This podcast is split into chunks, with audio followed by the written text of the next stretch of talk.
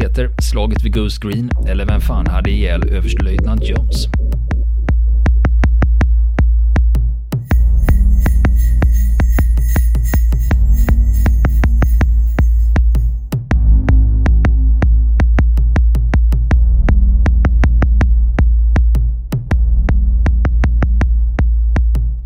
Fortsätter historien om slaget vid Goose Green under Falklandskriget. När vi kommer in i historien har B-kompaniet kört fast på västsidan vid Boca House och A-kompaniet sitter fast i en ravin vid Darwin Hill. För att få fart på framryckningen har överstelöjtnant Jones tagit sig fram till A-kompaniet i främsta linjen för att leda striden därifrån. Men när Jones analyserar läget från där han står i den här lilla klyftan, att men vad fan, uppe på en han ser ett kulsprutevärn och han tänker så här, lyckas vi bara ta det på vänstersidan, det är, de befinner sig mitt emellan höjderna och uppe till vänstersidan, om man tar det yttersta värnet, om man liksom rundar runt mm. och tar det snett bakifrån. Om jag lyckas ta det värnet, då kan vi rulla upp de andra värnen sen. Och det är planen. Mm. Så att Colonel Jones, han sätter ett nytt magasin i sin Sterling K-pist och rycker fram. Först av alla mot det här kulsprutevärnet uppe på höjden. Det är ungefär 60 meter upp dit. Det han har missat när han rusar upp där, det är att då hamnar snett bakom honom på den högra kullen. Där finns det ett kulsprutevärn som han inte har sett. Mm. De andra i A-kompaniet känner till det här kulsprutevärnet för det har gett eld mot dem förut. Men han har missat det. Och han är nästan framme vid sitt mål vid det här kulsprutevärnet när det högra kulsprutevärnet öppnar eld på 60 meters håll med en KSP 58 motsvarande. Jag kommer tillbaka och prata mera om den här kulsprutan. Men kulorna slår in i backen runt honom och han träffas och blir liggande. Och närmsta brittiska soldat är ungefär 20 meter bakom och, och har slängt sig i skydd. Och ropar till honom innan han blir träffad att ta skydd, akta, akta ryggen. Mm. Men han blir träffad och blir liggande. Han reser sig upp mot det här värnet som han är på väg mot och blir träffad igen. Och den här gången så blir han liggande bara någon meter från det här värnet han var på väg mot. Och soldaterna i det här värnet, de hade missat det här att han var på väg mot dem. För han försökte ju falla dem i sidan. Så att nu upptäcker de honom och liksom, då ska de sticka ut sina gevär och börja skjuta på honom. Men då är det en av Jones soldater nere i klyftan som ser det här. Så han öppnar eld stenhårt mot det här värnet för att hålla nere argentinska soldaterna då. Så att de inte ska avsluta jobbet så att säga. Mm. Här är det alltså befälhavaren av Two Para har stupat. Och hans radiooperatör blir tvungen att sända meddelandet över radion. Och det meddelandet de sänder ut är Sunray is down. Och då är klockan 09.30. De är fortfarande fast och deras befälhavare är död. Mm. Nu till 10 000 kronors frågan då. Vem fan var det som sköt Jöns då? Och när man börjar luska i det här, då öppnar sig en värld av möjligheter. Det finns en kandidat eh, som heter korpral José Luis Rios som tillhörde 12 regementets spaningspluton. Det finns en historiker som heter Hugh Biceno. Han håller på honom och säger nej men när jag analyserat det här så borde det vara han. Mm. Eh, och sen har vi favoriten då som heter menige Jorge Oscar Ledesma. Han var kulspruteskytt i 25 infanteriregementet och de var placerade på Darwin Hill. Mm. Så det, är, det finns en viss sannolikhet att det är han. Sen finns det också en annan variant och det är att det är prickskytten korpral Osvaldo Faustino Olmos. Och han har till och med pratat om det, han blir intervjuad av en brittisk tidning långt, långt efteråt som heter Daily Express. Och där säger han att det är han som har skjutit Jones. Och Sen har vi ytterligare en variant och det är löjtnant Juan José Gomez Centurion. Men det verkar vara någon form av hopblandning för han var inblandad när en annan officer blev dödad. Och sen är det så här med han, eh, löjtnant Centurion, han har hållits lite som lite hjälte av Goose Green. Så att eh, han har varit väldigt högt ansedd och då är det väldigt lätt att det liksom stänker över på honom då att nej, det var nog han som sköt Jones. Och Sen finns det också eh, nummer fem då, det är internetryktet. Och då är det så här att det är någon som har pratat med någon som var där. De säger att Jones blev skjuten av sina egna. Och, och det här beror på att han hade ju beordrat ett självmordsanfall precis ja, innan han själv ryckte fram. och att då var det för att rädda sitt eget liv för att, och för att rädda de andra i A-kompaniet så är det mm. någon som har skjutit honom då. Skjutit i ryggen, precis. Skjutit honom i ryggen. Det finns inga historiker eller seriösa källor eller böcker som, som bekräftar det här. Men om vi tittar på ett av standardverken, de som var på plats och som var bakom Jones, de säger så här, det var kulspruteeld som sänkte honom. Och den officiella argentinska versionen, det är att skytten lever och han heter Oscar Ledesma. Och han sköt och han var beväpnad med en FN MAG. En FN MAG, det är en eh, belgisk kulspruta från mm. Fabrik National. Och vi svenskar är lite mer bekanta med den under mm. beteckningen KSP 58, som är Just den svenska licenstillverkade. Just det. Ja. Och då har vi också en annan fråga om man då ska titta på Jones skador för att KSP 58 det är 762. Karbinen de hade FN FAL det är också 762. Prickskyttegevären de hade det är också 762. Så det kan vara väldigt svårt att utröna vem var det som egentligen tog koll på Jones. Och han, Oscar Ledesma, han berättar själv i den argentinska kvällstidningen Perfil att han säger så här. Första attacken varade mellan 4 och 6 timmar, men för mig kändes det som en evighet. Vi fick ett eldavbrott på kulsprutan, men lyckades fixa det och försvara oss. Och Jones var en av de som ledde attacken. Och jag fattar fortfarande inte varför han var i första ledet i det här läget. Jag misstänker att han trodde att vi var döda. Och när jag såg honom komma, då sköt jag en eldskur och träffade honom. Och han sträcker sig ändå efter en granat och då skjuter jag en eldskur till. Och då dör han. Mm. Det är Oscar Ledesmas version. Och vill man höra honom själv prata om det så sitter han med i en argentinsk talkshow 2012 när det är 30 år sedan mm. kriget. Det är han och flera andra veteraner sitter och berättar om sina upplevelser. På ett mm. lite väl glättigt sätt. Skulle, som svensk tycker jag det här var lite väl eh, mm. glättigt att diskutera de här händelserna. Men där kan man få höra honom prata om det här. Men om vi nu ska gå in på lite mera forensics, som mm. de säger i CSI. Det fanns en arméläkare som heter Dr. Rick Jolly han förekommer i många olika böcker kring de här händelserna. Han undersöker Jones kropp och han konstaterar att det var fråga om en skottskada. Mm. Inga fler. Det finns versioner om att han var träffad i ryggen och i rumpan eller i ljumsken eller någonting.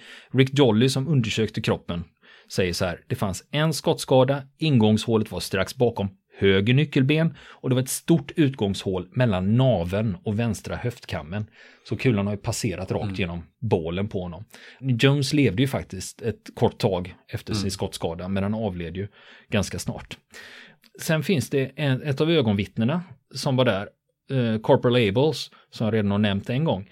Han hävdar efter att Jones har dött och de sitter fastlåsta, då ska de försöka ta sig ur situationen med hjälp av M72 Law, alltså de här 66 mm antitankvapnen. Och de använder de här för att slå ut de argentinska kulsprutevärnen. Och han säger själv att han satte en raket i det kulsprutevärn som sköt Jones. Mm. Så han säger att han hämnades mm. Jones död. Och det stämmer alltså också överens med Mark Adkins bok om mm. Goose Green. Alltså det finns ett sånt där standardverk om Battle mm. of Goose Green. Och där är det den historien som gäller. Det vill säga att den kulspruteskytten som sköt Jones är död. Mm. För Abels sköt ihjäl honom med en eh, pansargranat. Mm. Men det är också sådana här saker, vem vet? Ja, vem vet, många vill ta åt sig äran. Ja, och sen blir det ju lite politik i det här också. Mm. När man pratar om det här. Uh, bland annat i Argentina så är det här fortfarande en liksom, Oscar Ledesma ses av många som en hjälte. Det var mm. han som fällde Jones. Och då finns det en laddning i det här. Att här har vi en värnpliktig 19-årig mm, argentinare med två, bara två månaders utbildning som lyckas skjuta ihjäl befälhavaren för ett av de brittiska elitförbanden. Så det finns, massa, det finns mm. en laddning ja, av politisk karaktär mm. i den här frågan, vem som hade ihjäl Jones. Mm. Kolla aldrig en bra historia som det heter. det är sant.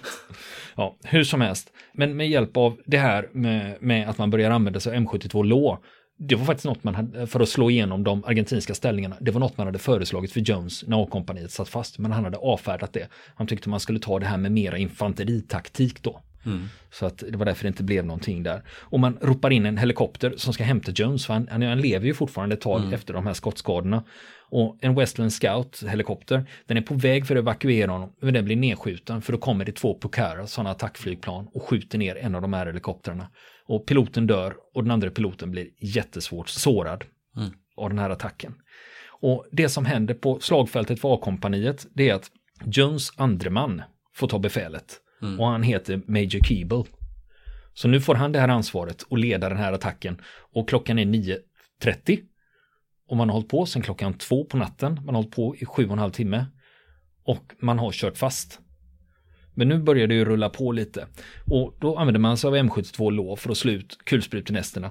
Och en kvart efter att Jones har dött, då börjar det viftas lite med vita flaggor i de argentinska ställningarna. För sen börjar man sätta ställningarna en efter en. Och när, när kulspruteskyttarna ser det här, men herregud, nu är det min tur nästa gång. Mm. När kulsprutenäst efter kulsprutenäst bara exploderar. Och då är det dags att vifta med vita flaggor. Men eh, striden om Darwin Hill är ju inte slut med det här. Va? Det här är klockan 09.45, man börjar få de här genombrotten på, sin, på A-kompaniets flank. Men det skulle dröja ända till klockan 12 innan Darwin Hill är i brittiska händer. Så det är fortfarande två timmar kvar av strider över den här åsen innan man lyckas eh, få, få den då. Och sen B och D-kompaniet, eh, de har ju kört fast ute på sin flank på västsidan ute till höger. Och de är vid Boca House. Och de trycker också på lite från väst för att försöka understödja A-kompaniet. Och de lyckades ta sig ur det här och då använde de sig inte av M72 Lå utan de hade med sig pansarvärnsraketen Milan. Mm. Pansarvärnsraketen Milan det är en trådstyrd, den är ungefär en decimeter i, som man har för att slå ut pansarfordon egentligen med. Och Milan den är fransk och Milan betyder drake, alltså inte eldsprutande drake utan en drake som du flyger mm. i luften med med ett litet snöre. Och det beror på att granaten är trådstyrd. Mm. Så du styr den in i målet då. Och vill man se kraften i en Milan när den slår in i ett mål för att, göra, för att få en förståelse för vad som händer, då finns det mängder med klipp på YouTube. Och det är den kurdiska peshmerga-gerillan, de använder Milan när de strider mot IS. Mm. Så då finns det klipp när, man, när de då beskjuter både pansarfordon och bepansrade trupptransporter. Så då, då, när man ser en Milan slå in i någonting och det detonerar, då förstår man eh, kraften i de här. Och de använder sig av pansarvärnsraketen Milan, B och D-kompaniet mm. för att eh, kunna slå sig igenom de argentinska ställningarna. Och B-kompaniet börjar nu rycka framåt. Och när man väl har tagit Darwin Hill, vid 12-tiden ungefär, då har man liksom mm. kommit över det här stora fartguppet som eh, har satt stopp på anfallet i sex timmar. Mm. Då lämnar man kvar A-kompaniet för att försvara Darwin Hill. Så man mm. måste hålla den här ställningen. Och, och nu får man då omgruppera sig och tänka, men okej, nu är det nästa. Eh, vi har, nu är det Goose Green och flygfältet som är kvar att ta. Och planen man ritar upp då, det är att B-kompaniet, de är ändå längst ut till höger mm. och de ska göra en stor omfattning runt flygfältet och komma mm. in söderifrån mot Goose Green. Goose Green ligger ute på östsidan då. Mm längst till vänster från britternas, eh, britternas synvinkel då. Och det kompaniet, de ska gå rakt mot Goose Green och ta flygfältet också. Och därefter när de har tagit flygfältet så är Goose Green nästa mål då. Som är en bebyggelse då med ett 50-tal hus ungefär. Och C-kompaniet, de får med sig en pluton från A-kompaniet så de är förstärkta. Och de ska gå vänster om flygfältet längs med kusten och, och rulla upp Goose Green norrifrån då, längs med kusten. Och det första målet då, det är ett skolhus som ligger norr, det ligger utanför bosättningen då. Och när C och D-kompaniet börjar rycka framåt mot flygfältet, då råkar de ut för luftvärnseld. För argentinarna har 35 mm luftvärnskanoner och de har även 20 mm luftvärnskanoner som de riktar om. Och när de ser dem komma sprida så här är ju hedlandskap. Mm. Det är inte så mycket att gömma sig utan det är alltså ett gigantiskt stort fält. Och mm. det är dagsljus. Och när de kommer framryckande där, då riktar man luftvärnskanonerna vid flygfältet mot trupperna som är på väg mot dem. Och det, det blir förluster. Det är helt ofrånkomligt. Speciellt C-kompaniet drabbas av mycket allvarliga förluster i just det skedet när de rycker fram över öppen mark. Och trots det, de fortsätter ändå framåt trots den här beskjutningen och första målet för C-kompaniet är skolhuset som ligger norr om Goose Green. Och de anfaller skolhuset ungefär vid ett-tiden och här pressar man på och pressar på och pressar på och till slut viftar argentinerna med någon vit flagga. Och nu börjar historierna gå isär här. Att är det från själva huset eller är det i närheten någon viftar med en vit flagga? Hur som helst, en brittisk löjtnant Barry tar med sig två underbefäl och går fram till argentinerna för att prata med dem. De har ju ändå viftat med en vit flagga. Men här blir det lite förvirrat, för när de är på väg fram, då öppnar någon på den argentinska sidan eld och skjuter ihjäl de här tre som kommer gående fram för att prata med de som har viftat med en vit flagga. Och så får man ju inte göra. Va? Nej. Men det handlar antagligen om ett misstag det här. Inte att det var en krigslista, att man viftar med en vit flagga och väntar på att den brittiska officeren kliver fram och så skjuter man honom. Utan det är nog snarare att det har förekommit eldgivning från så många olika håll. Mm. Att det har blivit någon form av sammanblandning av den här situationen. Och det finns ytterligare en version. Det är att löjtnant Barry, som blev ihjälskjuten här, att han missuppfattade situationen totalt. Och mm, tror sig ha sett en vit flagga och går fram. Och då är det löjtnant Centurion, alltså en av de usual suspects då, som skulle ha mm. skjutit ihjäl Jones. att han, Centurion, när han ser den här brittiska löjtnanten ganska casual närma sig de argentinska ställningarna ska han ropa till honom på engelska. Gå tillbaka till dina egna linjer! Så det finns lite olika Ja, versioner där. Och det som händer när löjtnant Barry och de här två underofficerarna blir ihjälskjutna det är att brittiska kompaniet, de blir asförbannade och öppnar upp med allt de har på det här skolhuset. Då är det kulsprutor och de har också med sig det svenska granatgeväret M48, Carl Gustav, eh, alltså en GRG. Mm. Och även M72 Lå som de då matar mot det här huset. Och det som händer är att huset fattar eld. Och vissa av de här styrkorna som är kvar i livet de retirerar ur huset och drar sig söderut mot Goose Green. Men det är ganska mycket argentinska soldater som dör i lågorna när man har skjutit eld på det här Mm. skolhuset. Och nu är det dags att omgruppera för att fortsätta framåt. Och nu efter den här striden vid skolhuset, klockan har blivit tre på eftermiddagen och samtidigt så har eh, de andra kompanierna lyckats ta flygfältet.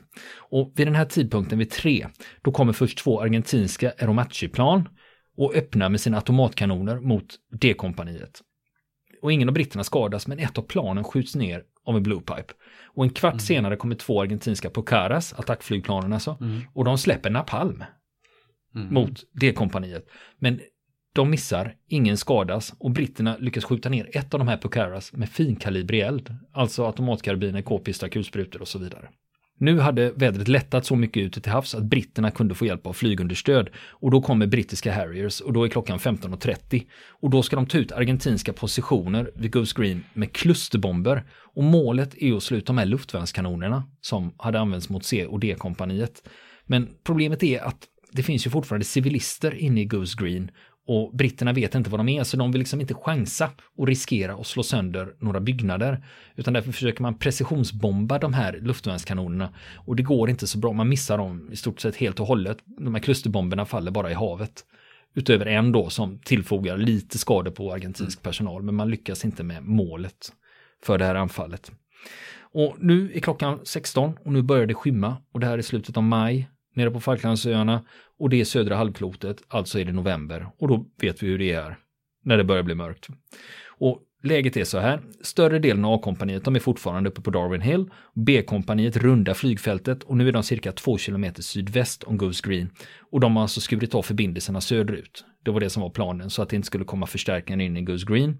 C-kompaniet de är precis väster om men de drar sig tillbaka sen en bit och gräver ner sig ordentligt inför natten. Och D-kompaniet som kämpat sig igenom flygfältet, de står nu mellan flygfältet och Goose Green. Så att man har lyckats omringa Goose Green då. Och stridigheterna mattas ut under kvällen och natten. Och under kvällen så lyckas de ändå få in argentinska förstärkningar till Goose Green. Ett helt kompani lyckas man få dit. Och det var ju Major Keeble som hade fått ta över efter Jones. Och han vet ju om att det finns civila i Goose Green och då förstår han ju att vi ska ju ta den här bosättningen och gör vi det med artilleri är risken för civila förluster stor. Gör vi det med flyg är risken stor. Alltså blir det infanteri. Vi blir tvungna att gå in och rensa hus för hus. Och det här kommer att kräva personal. Mm. I förluster räknat då. Och då tänker han så här, vi kan ju testa och se om de vill, vi har ändå omringat dem, de kanske vill ge upp, så kan vi ju rädda civilisterna. Så klockan sex på morgonen då skickar man två argentinska krigsfångar in med ett erbjudande då, att ge upp. Mm. Då är det så här, antingen ger ni upp eller också går vi in och då får ni liksom stå för, då får ni ta på er ansvaret för alla civila förluster. Och meddelandet de får tillbaka det att okej, vi kan snacka om det här, vi kan förhandla. Så 09.30 då träffar de de höga argentinska officerarna, de höga brittiska officerarna vid flygfältet. De argentinska officerarna som dyker upp heter Pedrosa och Piaggi. Piaggi är han som har lett infanteristriden eh, under dagen. Och de träffar då Major Keeble och ska förhandla. Och argentinerna går med på att ge upp. För Piaggi, han insåg ju, de är omringade och vi kan inte räkna med några fler förstärkningar. Alltså är det, vi kommer inte att komma ur det här då. Och Kiebel ger dem tillåtelse, ni får dessutom hålla en ceremoni om ni vill. Och det gör argentinerna. Det är komplett med tal och nationalsång och alla ceremonier runt omkring. Och eh, vi, framåt lunch där, då kommer soldaterna ut till bosättningen och lägger ifrån sig sina vapen. Och när britterna ser hur många det är frågan om, då tappar de hakan. För inne i Goose Green så är det runt tusen soldater. Och det var ju 450 Mm. fallskärmsjägarsoldater från den brittiska sidan.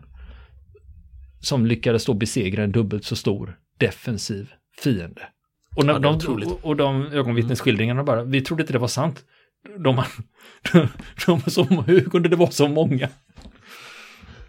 Dessutom var det i det här uh, Goose Green, där bodde det drygt hundra civilister. De hade suttit inlåsta i en byggnad uh, under tiden. Och nu släpper man då ut dem då och de får då ta emot de brittiska soldaterna som hjältar. Och slutresultatet av striden det är att britterna har 18 döda på sin sida, inklusive sin befälhavare då, och eh, 64 skadade. Och de argentinska förlusterna är 55 döda och 86 skadade. Mm. Och nu var vägen öppen till Darwin. Nej, det var den inte helt. Det här var ju 29 maj nu när Argentina ger upp Goose Green. Och det var flera hårda strider fram till krigsslutet 14 juni. Och det finns flera kända slag Mm. som sker, bland annat Mount Chumbledown, Two Sisters, Mount Longdon, för att inte tala om flygstriderna som vi kommer att snacka mer om. Och vi har flera fina frontavsnitt om landstriderna på Falklandsöarna. det ser vi fram emot. det ser vi fram emot. Och sen när britterna själva då ska utvärdera sin egen insats, då är det tre lärdomar har man dragit av, av det här då. Det första är att man måste se till att få fram ammunition till frontlinjen i snabbare takt. Det får inte vara så att man i frontlinjen inte kan rycka fram för att vi har slut på ammunition. Vi måste se till att det funkar. Och sen måste vi ha bra linjer för att få ut skadade så fort som möjligt. I vissa fall kunde det dröja en och en halv timme med riktigt illa skadade. Och det tycker man var helt ohållbart. Så kan vi inte ha det. Just det. Det var en lärdom. Och sen också den här typen av infanteriförband som är vana vid och, de har ju sin taktik när de, hur de beter sig på ett slagfält eller i strid. Och det man måste träna upp det är att man måste kunna arbeta under indirekt eld, alltså artilleri. För det hade man ingen vana av. Man, det blev lite halvpanik emellanåt när man blev utsatt för granatkastare ar- eller artilleri. Så den förmågan måste man träna upp också. Mm. Och jag nämnde ju det här med prickskytte. Efter slaget så kollade de brittiska soldaterna in vad hade argentinarna för grejer egentligen. Och när de tittar då så det vanligaste är FN-fal, alltså där standardkarbin, med- det var ganska mm, okej sikten. Men det var mera, siktena var mera skarpskytte än prickskytte. Skarpskytte är ju vad man kallar effektivt upp till några hundra meter medan prickskyttarna håller, det är ju de som håller till på längre distanser. Och vissa av de här FN-FAL hade även bildförstärkare på sig. Men så hittar man även Remington 700 och det är alltså väldigt, väldigt bra prickskyttegevär och jättefin optik. Men när de ska prata med soldaterna som har använt de här Remington-gevären, då pratar de inte spanska alls, utan de pratar engelska med amerikansk brytning. Och det är därifrån uppgifterna om att det var amerikanska legoknektar som deltog i slaget om Goose Green kommer. Och då tror man att det är amerikaner som är Vietnamveteraner Mm. som har då blivit inhyrda som prickskyttar, Mm. sägs det. Mm. Och eh, det här eh, kommer från flera olika håll, bland annat BBC hade en reporter på plats, det var han som blev uppläxad av Jones, han heter Robert Fox. I en artikel som han skrev 25 år efter, då skriver han så här, de enda amerikanerna jag träffade, det var amerikanska legoknektar som tjänstgjorde som prickskyttar, men i en av de argentinska infanteribataljonerna.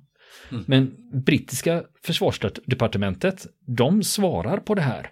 Eh, och det gör de redan i augusti 1982 när det här ryktet är i svang att det har varit amerikanska legoknektar som har tjänstgjort som prickskyttar.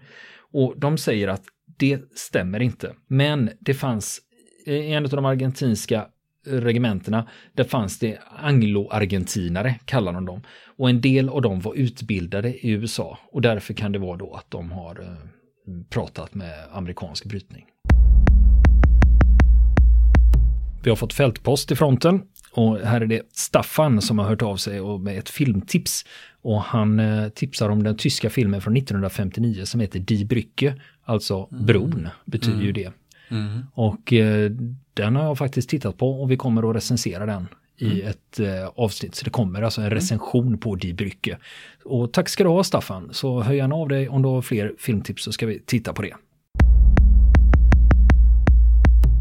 Nu ska vi snacka film. Och eh, som flera av er kanske har förstått så har jag nyligen snöat in på Falklandskriget. Och Niklas börjar skratta. Är det förtvivlat?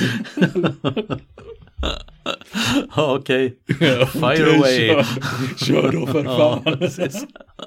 Eh, Jag har lyckats hitta en argentinsk film om eh, Falklandsöarna. En argentinsk. Ja. Just det. Och det, är, det, det är inte en uppsjö kan jag säga. Nej, det känns inte som de har rosat marknaden riktigt. Nej, det var, de fick inte vara med på Göteborgs filmfestival. Nej då, Mm. så är det inte. Den här heter Båten blev sänkt på vägen in eller? Belgran. Nej, förlåt. förlåt. Det var, det var dåligt. ja, eh, den filmen eh, som jag har sett, den heter Blessed by Fire. Eh, eller eh, Illuminati por fuego, det vill säga upplyst av eld, blir ju egentligen eh, översättningen. Och upplyst kan ju även på spanska kan det betyda eh, både upplyst som att det är ljus eller att man har kommit till någon form av insikt. Och det här är också ett vanligt grepp, det man berättar i återblickar. Man börjar i dagens Argentina där det är en Falklandsveteran som får ett telefonsamtal att hans gamla kompis från fronten på Falklandsöarna har eh, genomfört ett självmordsförsök och ligger i koma på sjukhuset. Så han åker dit och eh, sen rullas deras gemensamma historia upp. När de som värnpliktiga blir tvungna att åka till Falklandsöarna och eh, gräva ner sig där i väntan på britterna. Och de tillhör ett infanteriförband. Och den här skildrar flera av de övergreppen som officerarna utsatte de värnpliktiga för. Och det har till och med skett rättegångar i Argentina efter det här. Men det här vi också ett problem för att om man tänker sig under juntatiden i Argentina som var en totalitär stat där det skedde mängder av mord och försvinnanden och tortyr. Och så plötsligt så är det några tusen värnpliktiga som var med i kriget om Las Malvinas som de kallar det. Det heter ju inte Falklandsöarna i Argentina utan det. heter ju Malvinerna, säger Ja, de, Las det. Malvinas. Och det gör att deras eh, lidanden och det de var utsatta för, det faller liksom lite det, det, det blir inte så viktigt helt enkelt. Utan man Just det. tänker så här, eh, utan det är mer att ja, men det var ändå, det var en junta-grej det där. Mm. Det var sånt som hände under juntan Ja, just det. Veteranerna från Falklandskriget har ju hamnat i någon form av limbo där. Där de liksom ändå var, de blev utsatta för juntan men ändå var de juntans redskap. Just det. Men när man eh, läser om det här på argentinska sajter och så vidare så framhåller ju en del Falklandsveteranerna att det här var riktiga hjältar och att man framhåller dem väldigt högt. Och problemet med Falklandsöarna i Argentina är ju att det finns en stor grupp som fortfarande anser att Falklandsöarna tillhör Argentina. Mm.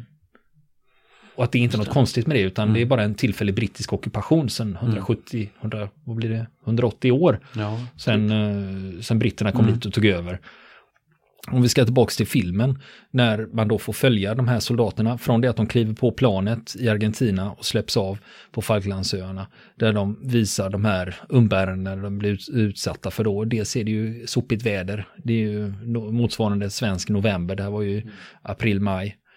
Och till slut då när de laddar upp inför den eh, stundande striden mot britterna där man har stridsscener och de eh, stridsscenerna utspelar sig på natten och präglas av stor förvirring och, det, och den här förvirringen lyser igenom i filmen. Det är en jävla röra och även jag, problemet är att även jag som tittare har svårt att hänga med i vad som sker i de här, eh, under de här stridigheterna.